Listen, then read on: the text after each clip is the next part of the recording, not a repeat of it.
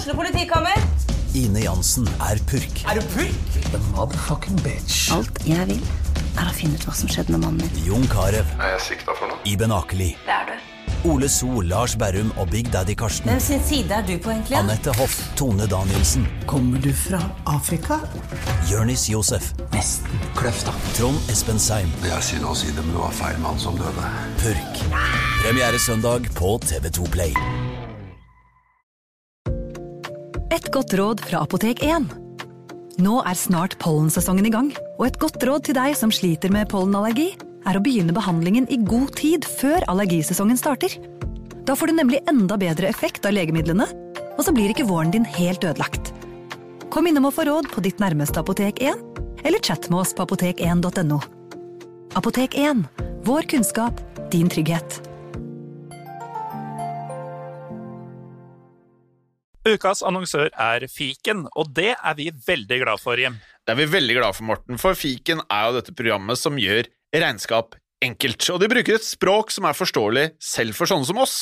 Ja, det er nøkkelordet her. Fordi jeg kan f.eks. registrere kjøpene mine ved å ta bilde av kvitteringa med en app, og salgene mine ved å sende en faktura. Og så er nesten hele regnskapet gjort. Når f.eks. skattemeldinga skal leveres, så er tallene automatisk fylt inn, og så blir jeg guida gjennom det hvis det er noe spesielt jeg må ta stilling til i mitt regnskap. Altså, det er så enkelt. Ja, og for oss som eh, kjenner deg, Morten, så er du jo ikke akkurat kjent for å være noen økonom, akkurat. Så eh, det her høres ut som noe som er midt i blinken for deg. altså, det har du helt rett i, Jim. For det første så liker jeg helst å bruke tida mi på annet enn regnskap, men uh, med fiken så, så, kan jeg faktisk det også, med god samvittighet, for jeg vet at jeg blir tatt hånd om. Ja, og nå kan du som eh, hører på, også teste ut fiken helt gratis i 30 dager på fiken.no. Og hva pleier vi å si da, Jim? Det kan fortelle deg, Morten, for vi pleier å si vi har brukt fiken før. Og vi vil bruke fiken igjen. Og det gjør vi på fiken.no. Advarsel. I denne podkasten vil du høre historier basert på informasjon programlederne har funnet selv. Programlederne står ikke nødvendigvis inne for meninger og syn som fremstilles. Noen påstander kan avvike fra virkeligheten.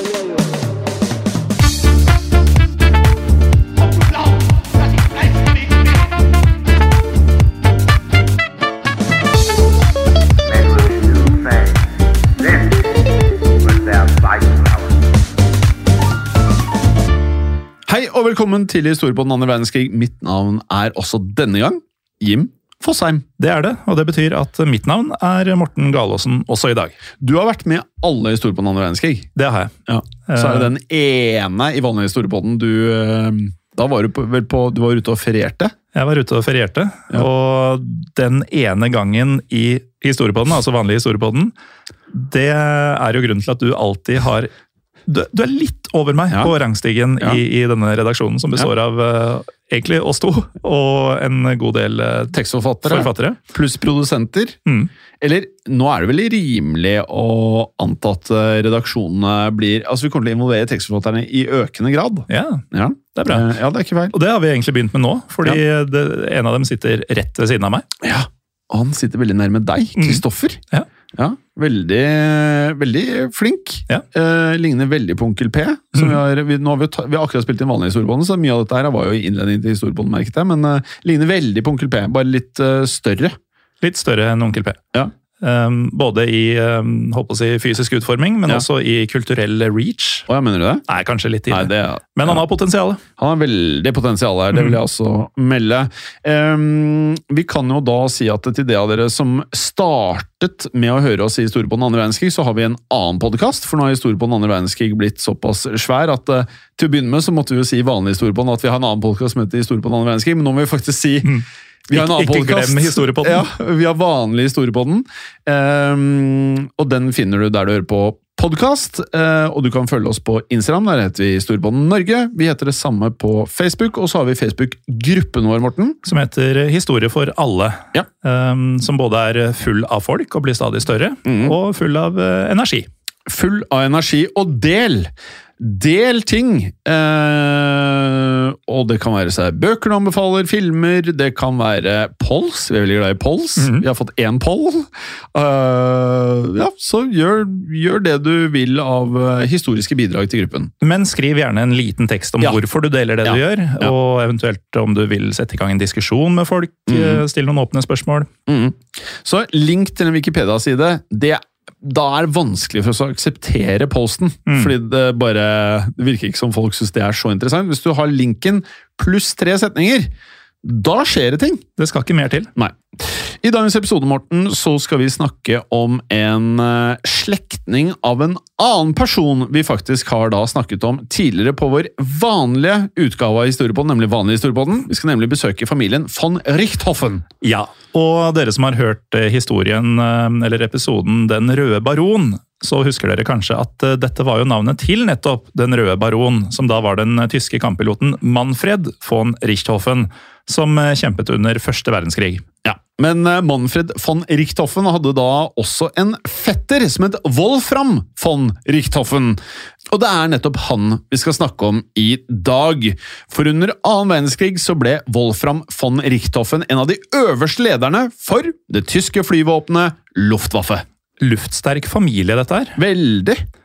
Wolfram han sto bak flere av 1930- og 40-tallets eh, mest beryktede flyangrep på byer som han utførte på hensynsløst eh, vis. Og en av disse ja, rett og slett terrorbombingene inspirerte faktisk også et maleri av den ikke helt ukjente kunstneren Jim Pablo Picasso.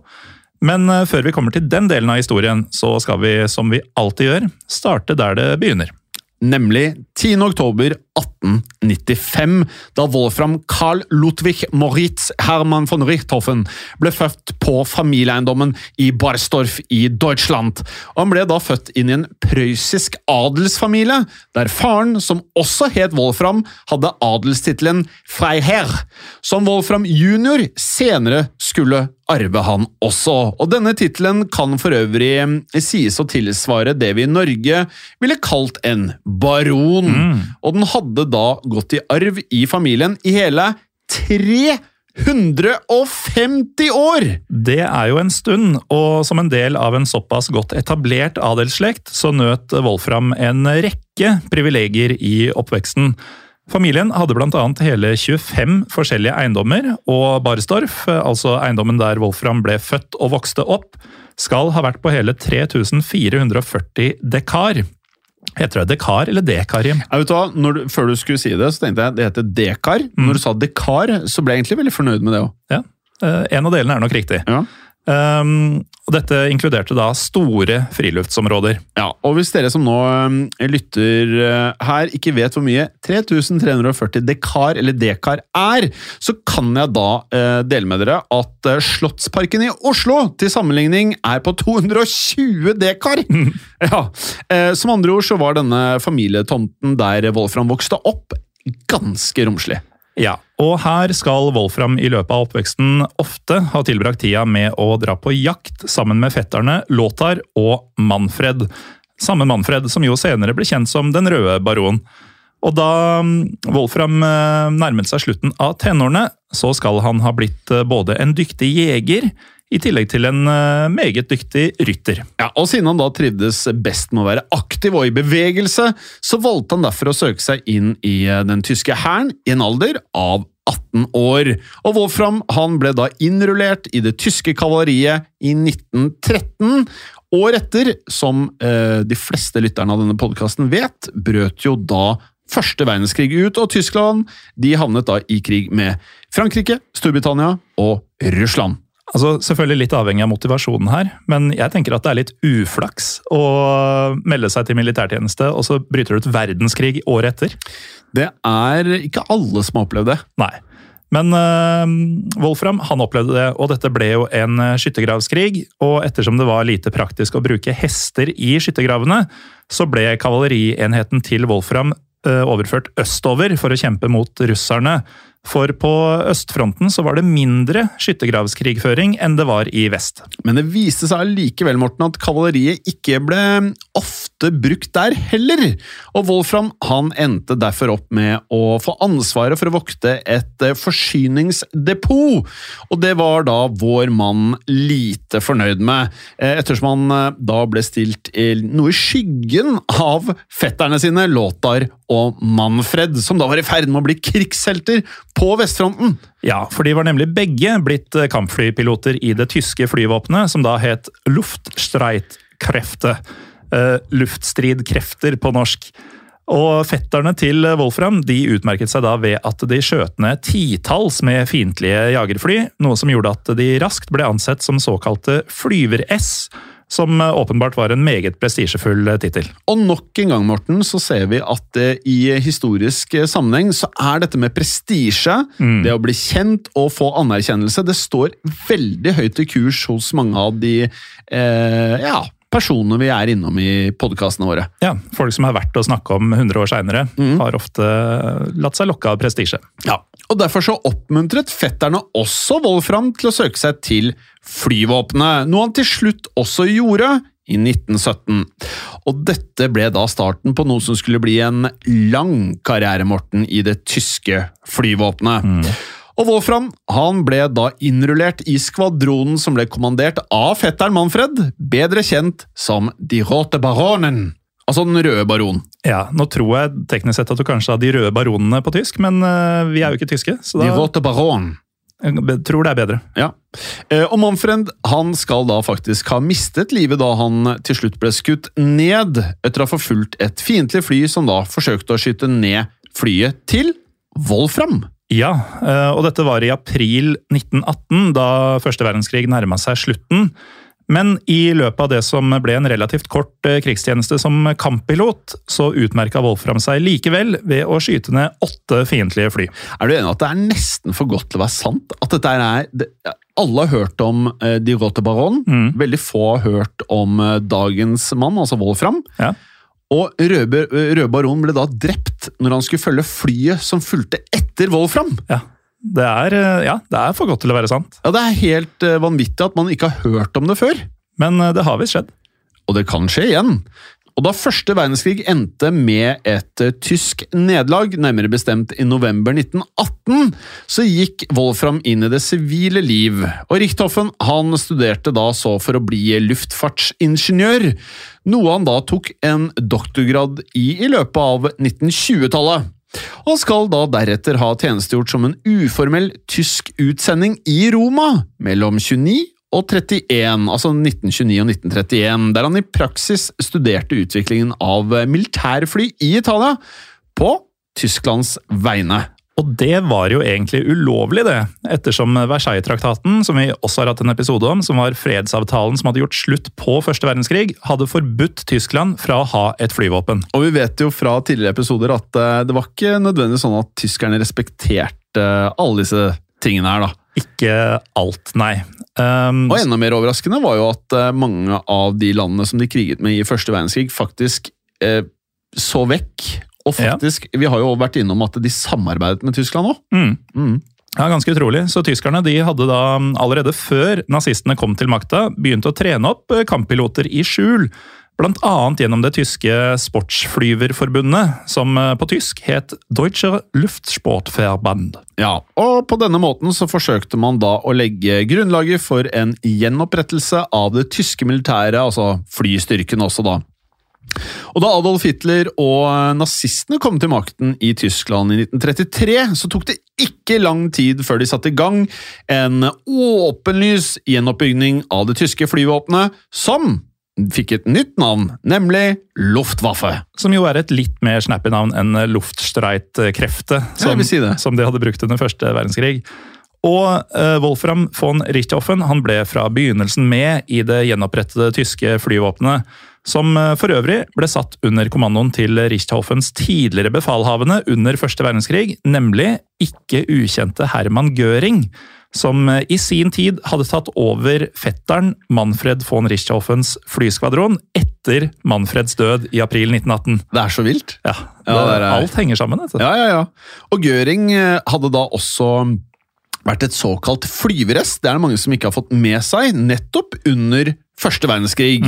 Men til tross for at Richthofen og Göring hadde det til felles at begge var eh, aristokrater og tidligere kampflypiloter, gikk de likevel, etter hva vi forstår, og det er jo ikke noe nytt i disse episodene når vi prater om disse nazistene, de gikk ikke godt overens. Nei, Det virker jo noen ganger som om det å være nazist og eh, en god venn, Ja. for eksempel, det, det var uforenlig. Ja, Sånn, I hvert fall hvis du hadde ambisjoner. Altså, De var bare, de klarte ikke å komme overens, noen av de. Nei. Eh, Så der Richthofen var den mer hardtarbeidende typen, som likte å omgås med flyingeniører f.eks., så var Göring en eh, mer sånn maktglad playboy-type, som var glad i å kose seg, blant annet med det narkotiske stoffet morfin. Um, og Göring skal også ha foretrukket å omgås med aristokrater som ligna mest mulig på han selv, og det virker det jo som om Richthofen da ikke gjorde. Ja, og Derfor så oversa han angivelig ved en spesiell anledning den høyt kvalifiserte Richthofen når det da gjaldt hvem som skulle få stillingen som sjef for Technisches Amt. Som da var teknologiavdelingen i Luftwaffe. Og Jobben gikk da i stedet til eh, den mer eh, er lov å kalle han drikkeglad og skjørtejeger. Jeg tror begge deler passer ganske bra til han fyren her. Ja, nemlig Ernst Odet, som blant annet hadde til felles med Göring at eh, begge var fra Bayern. Men Richthofen ble likevel en meget viktig mann for Luftwaffe. Med mm, spisskompetansen sin som luftfartsingeniør deltok han nemlig i utviklinga av eh, flyvåpenets eh, nye krigsflymodeller, som jo ble særlig viktig da Hitler ga ordre om at eh, Tyskland skulle begynne å kraftig ruste opp militæret. Ja, Men i tillegg til at Richthofen gikk dårlig overens med Göring, trivdes han heller ikke med å jobbe med Ernst Odet, som eh, da vi nevnte hadde fått ansvaret for Luftwaffes teknologiutvikling, og særlig da ettersom Richthofen mente at Odets ideer om flyutvikling ikke var spesielt gode. Nei, Det er nesten som om Odet ikke var rett mann for jobben. Og da det oppstod en mulighet for å få en mer aktiv militærkommando, så grep derfor Richthofen muligheten med begge hender for å komme seg vekk fra Odet. Og da er vi kommet til eh, året 1936, som gjør at vi nå må sette ting litt inn i sammenhengen. Ja, Det blir viktig her, for på dette tidspunktet så hadde jo da brutt ut borgerkrig i Spania mellom det som var en eh, ja, republikansk side og en fascistisk side, ledet av landets eh, senere diktator, nemlig Francisco Franco. Og ikke overraskende så hadde jo da Hitler mest til felles med fascisten Franco, noe som gjorde at Nazi-Tyskland etter hvert ønsket å støtte Franco og de spanske fascistene i borgerkrigen. Ja, og Tanken fra tysk side var bl.a. at eh, dette var en meget god anledning til å teste det fortsatt uprøvde Luftwaffe i aksjon. Så tyskerne de sendte derfor en egen flyavdeling som skulle støtte de spanske fascistene i den spanske borgerkrigen. Denne avdelinga fikk navnet Legion Condor, altså rett og slett Kondorlegionen. Og Wolfram von Richthofen klarte da å bli utnevnt til stabssjef og senere øverstkommanderende for eh, nemlig Legion Condor, altså denne avdelinga. Ja, og med det så innebar jo det turer til eh, Spania. Eh, og det var på en tur til Spania at han skulle bli involvert i et av de første flyangrepene på noen som helst by, som da skulle få global oppmerksomhet, nemlig Kondorlegionens angrep på den spanske byen Guernica. Ja, og dette har jo ofte blitt huska som et bevisst angrep på sivilbefolkninga i byen, der målet var å knekke moralen hos forsvarerne, sånn at fascistene deretter enkelt kunne innta byen. Og mannen som skal ha planlagt dette bombeangrepet, var nettopp Wolfram von Richthofen. Ja, det var det. Og bombingen av Guernica fant sted 26. april 1937, da Legion Condor sine bombefly gikk til angrep. Og mm, av byens eh, ganske mindre befolkning, på ca. 5000-7000 mennesker, så ble rundt 300 personer drept. I tillegg så ble bebyggelsen i Guernica nærmest ja, ble erodert med bombingen, som da satt byen i brann også. Eh, Og etter hvert så ble hele byen inntatt av fascistene. Ja, og Richthofen han skal for øvrig senere ha forsvart den brutale taktikken som ble tatt i bruk mot Guernica, ved å si at Ingen militær taktikk er urimelig dersom den raskt kan ødelegge fiendens moral. Og denne hendelsen er jo blitt uh, særlig godt husket, uh, Morten, ettersom den inspirerte et av kunsthistoriens mest kjente malerier, som du nevnte, nemlig maleriet som da ble hetende nettopp Guernica, som da ble malt av den spanske kunstneren Pablo Picasso. Og bildet, Morten, fremstiller jo det hele som en krigsforbrytelse. Det gjør det, og nyheten om Guernica gikk eh, verden rundt, og bombeangrepet ble fordømt i det internasjonale samfunnet. Men som vi skal se, så skulle dette angrepet komme til å blekne sammenligna med noe av det Wolfram von Richthofen senere skulle ta del i i eh, løpet av andre verdenskrig, og mer om det etter en kort pause. Velkommen tilbake. Før pausen så nevnte vi at eh, angrepet på Guernica var eh, ganske begrenset i omfang sammenlignet med det Wolfram von Richthofen kom til å være med på under annen verdenskrig. Ja, i eh, denne sammenheng så har Richthofen nemlig blitt beskrevet som a competent but ruthless practitioner of air power av den amerikanske flyvåpenhistorikeren James Coram. Ja. Og gjennom eh, krigstjenesten i Spania hadde jo Richthofen også i aller høyeste grad eh, demonstrert eh, dette da han bidro til at fascistene til slutt vant den spanske borgerkrigen. Og da andre verdenskrig nærma seg, så ble det klart at Richthofen ville innta en viktig rolle i Luftwaffes militære operasjoner. Ja, og Han hadde da også skaffet seg til rykte som en solid støttespiller for Hitler og nazistene, noe som selvfølgelig hjalp han opp eh, karrierestigen. Og det, hvis det er én ting man må sitte igjen med så langt i historien på den andre verdenskrig, disse nazistene de var ganske opptatt av å klatre stigen. Det var de. Um, så selv om Richthofen eh, skal ha vært eh, uinteressert i eh, politikk, etter hva vi forstår, og politisk ideologi, skal han likevel ha støttet Hitler svært entusiastisk. Som han måtte hvis man skulle komme noen vei inn i dette systemet. Det var fornuftig i den grad du ville opp på rangstigen. Og ettersom Richthofen delte Hitlers ønsker om å gjenreise Deutschland som en stormakt, så skal han også ha beundret Hitler som person, noe han da fortsatte å gjøre gjennom hele annen verdenskrig. Ja, og i den grad Hitler viste seg eh, å senere ta dårlige avgjørelser i militære spørsmål, så unnskyldte Richthofen stort sett dette med at det skyldtes inkompetente rådgivere, og at Hitler derfor ikke kunne klandres når ting ikke gikk veien. Og med det sagt kan vi hoppe frem til utbruddet av annen verdenskrig. Ja, som alle dere som hører på vet, så brøt jo andre verdenskrig ut da Tyskland angrep Polen 1.9.1939. Noe som gjorde at eh, Frankrike og Storbritannia erklærte krig mot Tyskland. Og allerede i løpet av den tyske invasjonen av Polen, så var Richthofen tungt involvert i krigshandlingene. Ja, han hadde nemlig fått eh, kommandoen over det såkalte Fliegerführer zur besonderen altså flykommando for spesialanvendelse. Og dette var da en luftwaffeavdeling med en meget viktig rolle, som gikk ut på å støtte den tyske tiende armé. Og denne armeen skulle nemlig utgjøre det tyskerne kalte Schwerpunkt, altså hovedpunkt for det tyske angrepet. Og Richthoffens flyenhet utførte dette støtteoppdraget på det vi forstår var en meget kompetent måte, da de tyske styrkene rykka fram i meget stor hastighet. Til eh, tross for store logistiske utfordringer som oppsto, så klarte flyene til Richthofen likevel å gjennomføre tre runder med kamptokt hver eneste dag. Ja, Men likevel så skal det ha oppstått utfordringer som da gjorde at det ble vanskelig å holde oversikten over hvor de forskjellige tyske enhetene faktisk befant seg. Og derfor skal den utålmodige Richthofen personlig ha flydd over frontlinjene i et lite rekognoseringsfly. Det er ikke alle ledere som er så hands on. Nei, det er det ikke. Nei, som på ingen måte var risikofritt, Morten, ettersom slike fly faktisk da ofte ble skutt ned av de polske styrkene. Ja, men her måtte polakkene snart gi tapt mot den tyske overmakta, og i løpet av september så ble den polske hovedstaden Warszawa beleira.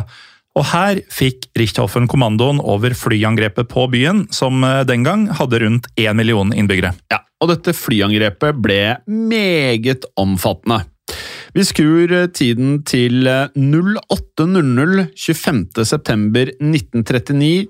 Eh, og da gikk nemlig Richthoffens bombefly til angrep, og skal da ha sluppet 500 tonn med høyeksplosive bomber over Warszawa, i tillegg til 72 tonn med brannbomber!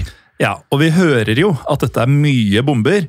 Men eh, for å sette det litt i perspektiv, så kan jeg jo si at uh, den ikke veldig lille statuen, uh, Frihetsgudinne, i Ja. New York, veier ca. 225 tonn. Så det var godt over den doble mengden av. Altså vekta av frihetsgudinnen. I eksplosiver. i eksplosiver som ble sluppet over Warszawa denne dagen. Ja, Det er helt ekstremt. Og vi, som, vi har jo pratet om det her i tidligere episode, vi som har vært i Warszawa. Mm. Du ser at her er det store deler av byen som har blitt erodert. altså. Ja, det, det er mye gjenoppbygd Ja. i mange forskjellige stiler. Ja. Og dette var faktisk det største flyangrepet som man hadde vært vitne til noen gang i historien, opp til dette tidspunktet. Og målet med denne operasjonen var da rett og slett å knekke moralen til byens eh, forsvarere, slik at Warszawa skulle overgi seg. Noe Warszawa også gjorde i løpet av de neste par dagene. Det skal da sies at Warszawa i tillegg hadde blitt angrepet av tysk artilleri, som sammen med disse vanvittige flyangrepene skal ha tatt livet av om lag 7000 av byens 1 million innbyggere. Noe som faktisk tilsvarer hele befolkninga i Holmestrand, f.eks. Mm. Men i løpet av resten av annen verdenskrig skulle Richthofen få langt, langt flere liv på samvittigheten. Og i denne forbindelse så må vi da bevege oss lenger vestover.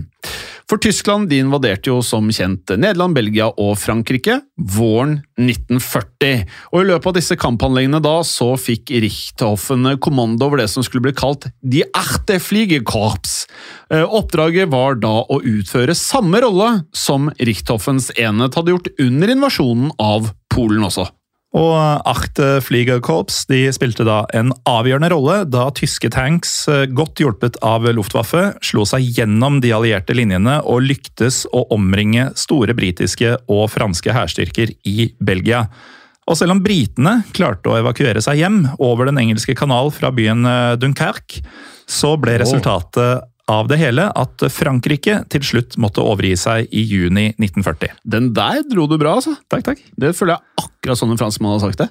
Ja, det var det lykketreff, eller klarer du det igjen? Dunkerque. Ah, mhm.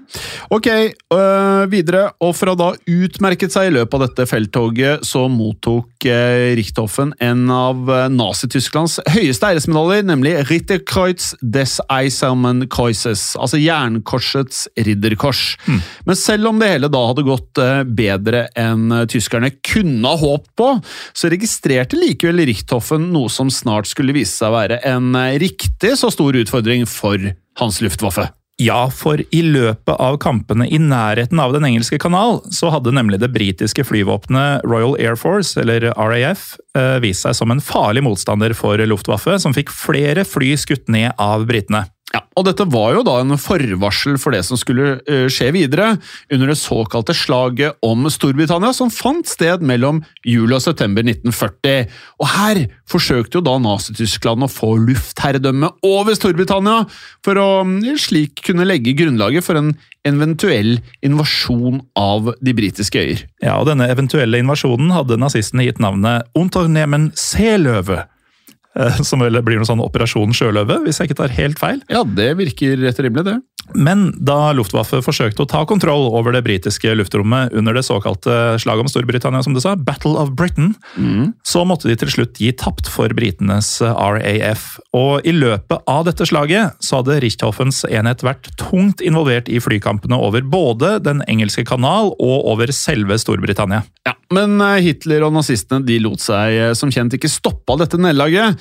I stedet gikk de som vi vet til angrep på Sovjetunionen, som da mm, kan sies å ha vært Hitlers eh, egentlige mål under annen verdenskrig. Vi har jo tidligere snakka om dette tyske angrepet på Sovjetunionen, som åpna den såkalte østfronten i andre verdenskrig. og Angrepet som het Operasjon Barbarossa, egen episode av Vanlig historiepodden, Riktig. starta 22.6.1941. og selv om dette til å begynne med gikk veldig bra for nazistene, så klarte de likevel ikke å innta den sovjetiske hovedstaden Moskva før den russiske vinteren som kjent kom og satte en stopper for krigshandlingene på østfronten dette året. Og dermed ble Hitlers krig mot Sovjetunionen en eh, utmattelseskrig som skulle vare helt til 1945. Og i løpet av krigen på østfronten Morten, så var Wolfram von Richthofen igjen delaktig i de eh, tyske militæroperasjonene.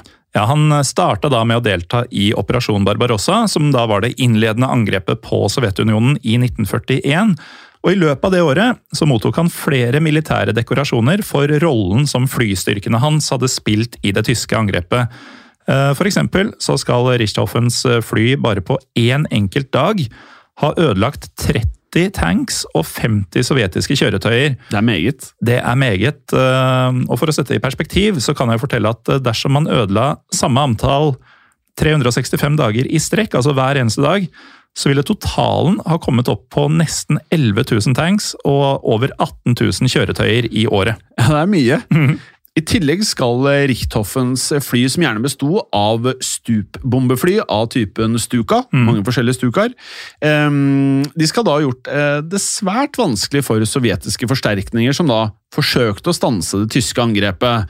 Og i den grad da at eh, andre tyske offiserer skal faktisk da ha blitt sjokkerte over hvor effektiv denne flystyrken til Richthofen viste seg å være i løpet av sommeren og høsten 41. Ja, I denne sammenheng så ble han beskrevet som nådeløs av den tyske generalen Wilhelm Ritter von Leb. Og man skjønner kanskje hvorfor når man hører eh, følgende, Jim. For bare i løpet av ti dager, eh, mellom 10. og 20. august, så utførte Richthoffens fly 5024 flyangrep. Og Achter Fliegerkorps skal i denne perioden ha sluppet 3351 tonn med bomber. Altså Ja, er, på ti dager. Ja, Det er voldsomme tall det er snakk om her, Morten, og da er det snakk om en mengde som tilsvarer da 15 ganger vekten av den amerikanske frihetsgudinnen. Så Richthoffens styrker de utførte også det som nå begynte å bli en av hans spesialiteter, nemlig bombeangrep på byer. Ja, da tyskerne beleira Leningrad, eh, som i dag er St. Petersburg, så bomba flyene hans eh, byen sønder og sammen i et forsøk på å knekke moralen hos den eh, beleirede sovjetiske befolkninga. Og på én enkelt dag, den 8. september 1941, så slapp Richthoffens fly ned hele 6327 brannbomber over byen. Noe som skal ha utløst 183 forskjellige storbranner. Ja, Dette er jo voldsomme tall, da, men eh, til tross for dette her, da, så holdt faktisk Leningrad eh, ut helt til beleiringen av byen ble opphevet i 1944, da de tyske styrkene måtte trekke seg tilbake. da. Men før den tid skulle da Richthoffens luftwaffeavdelinger forårsake enorme skader flere steder i Sovjetunionen. Og det mest berykta av disse stedene er nok byen som i 1942 ble åstedet for andre verdenskrigs eh, kanskje mest avgjørende slag. Da snakker vi om Stalingrad. Selvfølgelig gjør vi det, og vi har jo snakket om eh, Stalingrad og slaget her flere ganger i forskjellige episoder. Eh, blant annet i en ganske ny episode om Vasilij Zaitsev, der vi faktisk også kort nevnte Wolfram von Richthofen. Ja da. Men for de som da ikke har fått med seg episoden, så kan vi jo gi noe bakgrunnsinformasjon. Ja, altså Stalingrad utvikla seg etter hvert til å bli hovedmålet for det tyske angrepet på Sovjetunionen i 1942, og Hitler la stor prestisje i å ta denne byen, som jo var oppkalt etter Sovjetunionens leder Josef Stalin. Så av den grunn så ville det være symbolsk viktig seier for nazistene om Stalingrad falt. Ja, og Stalingrad var også en stor industriby. Selvfølgelig var den da viktig for eh, den sovjetiske krigsindustrien. I tillegg så var byen strategisk plassert langs forsyningslinjen, som da rant langs elven Volga. Og Volga den rant på tvers av Sovjetunionen fra St. Petersburg og ned til Svartehavet. Derfor sendte tyskerne hundretusenvis av soldater for å innta byen sent på sommeren 1942.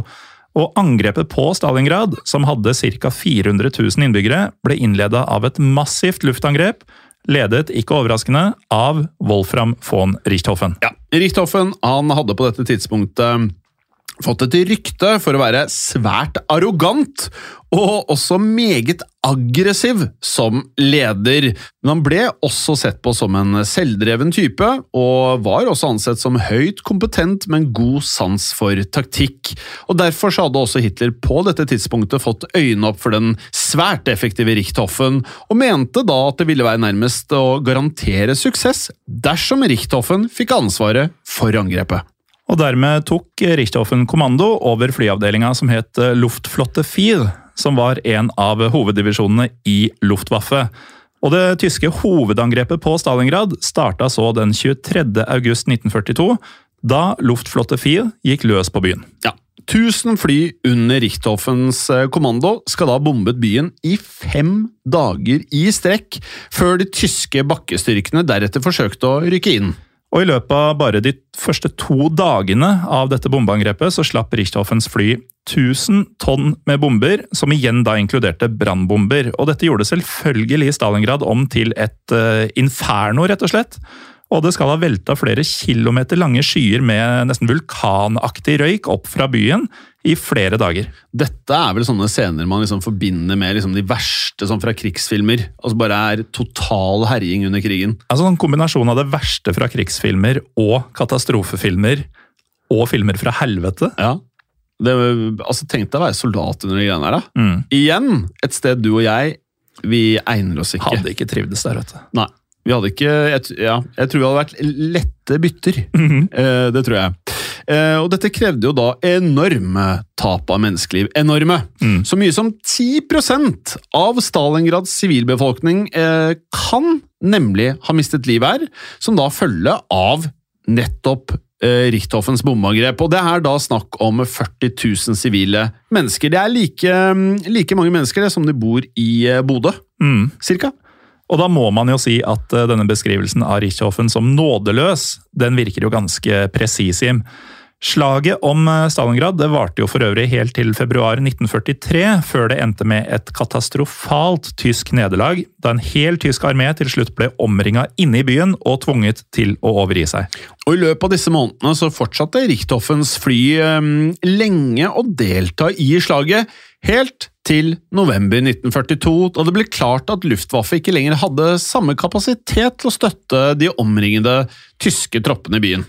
I løpet av tida fram til november så skal likevel Richthoffens fly ha gjennomført ca. 1000 flytokt på daglig basis, og til sammen så skal de tyske flystyrkene ha sluppet så mye som én million bomber over Stalingrad. Men til tross for dette så ble det jo klart at krigen ikke gikk Tysklands vei, særlig etter nederlaget i Stalingrad. Og rett etter nederlaget så skal da Richthofen faktisk ha flydd til Tyskland for å møte Adolf Hitler. Og der skal Richthofen ha uttrykt seg kritisk til deler av Hitlers ledelse, og sagt at de tyske generalene behøvde større frihet til å ta egne avgjørelser. Altså Du nevnte i stad at han var selvdreven, Jim. Um, og Hitler han blanda seg gjerne inn i det meste av detaljer når det gjaldt militære spørsmål, noe som hadde en tendens til å skape problemer. For eksempel så hadde jo Hitler forbudt de tyske styrkene i Stalingrad fra å trekke seg tilbake da de fortsatt hadde sjansen. Mm. Men likevel så skal von Richthofen ha klart kunststykket og ha en god tone med Hitler, blant annet fordi han mente at Hitler simpelthen hadde blitt sviktet av sine egne rådgivere. Noe som skal ha farget Richthoffens syn på diktatoren, skal ha vært at Richthoffen sjelden måtte hanskes direkte med Hitler. Dette kan da ha bidratt til at Richthoffen dannet seg et idealisert bilde av Hitler, som kan sies å ha vært langt mer positiv enn det virkeligheten faktisk var. Ja, og siden Hitler også hadde solid respekt for Richthofen, så ble Richthofen derfor snart forfremma til generalfeltmarschall, altså generalfeltmarskalk, en av de lettere tyske oversettelsene vi har hatt, Jim. Med unntak av Herman Göring så var Richthofen, som da var 47 år gammel, den yngste tyske offiseren som hadde oppnådd denne graden. Ja, og han ble derfor en svært viktig mann for Luftwaffe i løpet av resten av annen verdenskrig. Men til tross for Richthoffens kompetanse, så gikk det som kjent dårlig for nazistene mot slutten av annen verdenskrig. Ja, Richthofen hadde da fortsatt å tjenestegjøre mm, på forskjellige steder på østfronten, der den tyske hæren og Luftwaffe sakte, men sikkert ble pressa tilbake av de sovjetiske styrkene, som eh, etter hvert også klarte å få på plass et så sterkt flyvåpen at Luftwaffe ble slitt ut og mista kontroll over luftrommet på østfronten. I tillegg så tjenestegjorde Richthofen på den italienske fronten også, som da hadde blitt åpnet da de allierte invaderte Italia, som eh, jo var alliert med Tyskland.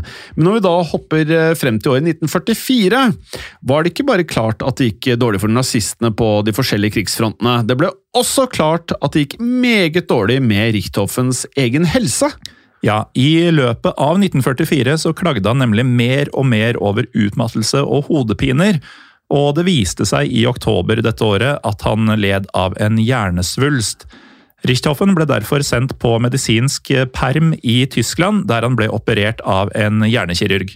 Det er ganske voldsomt at du er midt i annen verdenskrig, det går dårlig i krigen, og så viser det seg at du også har hjernesvulst. Ja, og um, hjernekirurgi på 40-tallet, jeg vet ikke om det er uh... Midt under en krig òg? Mm. Ja, nei.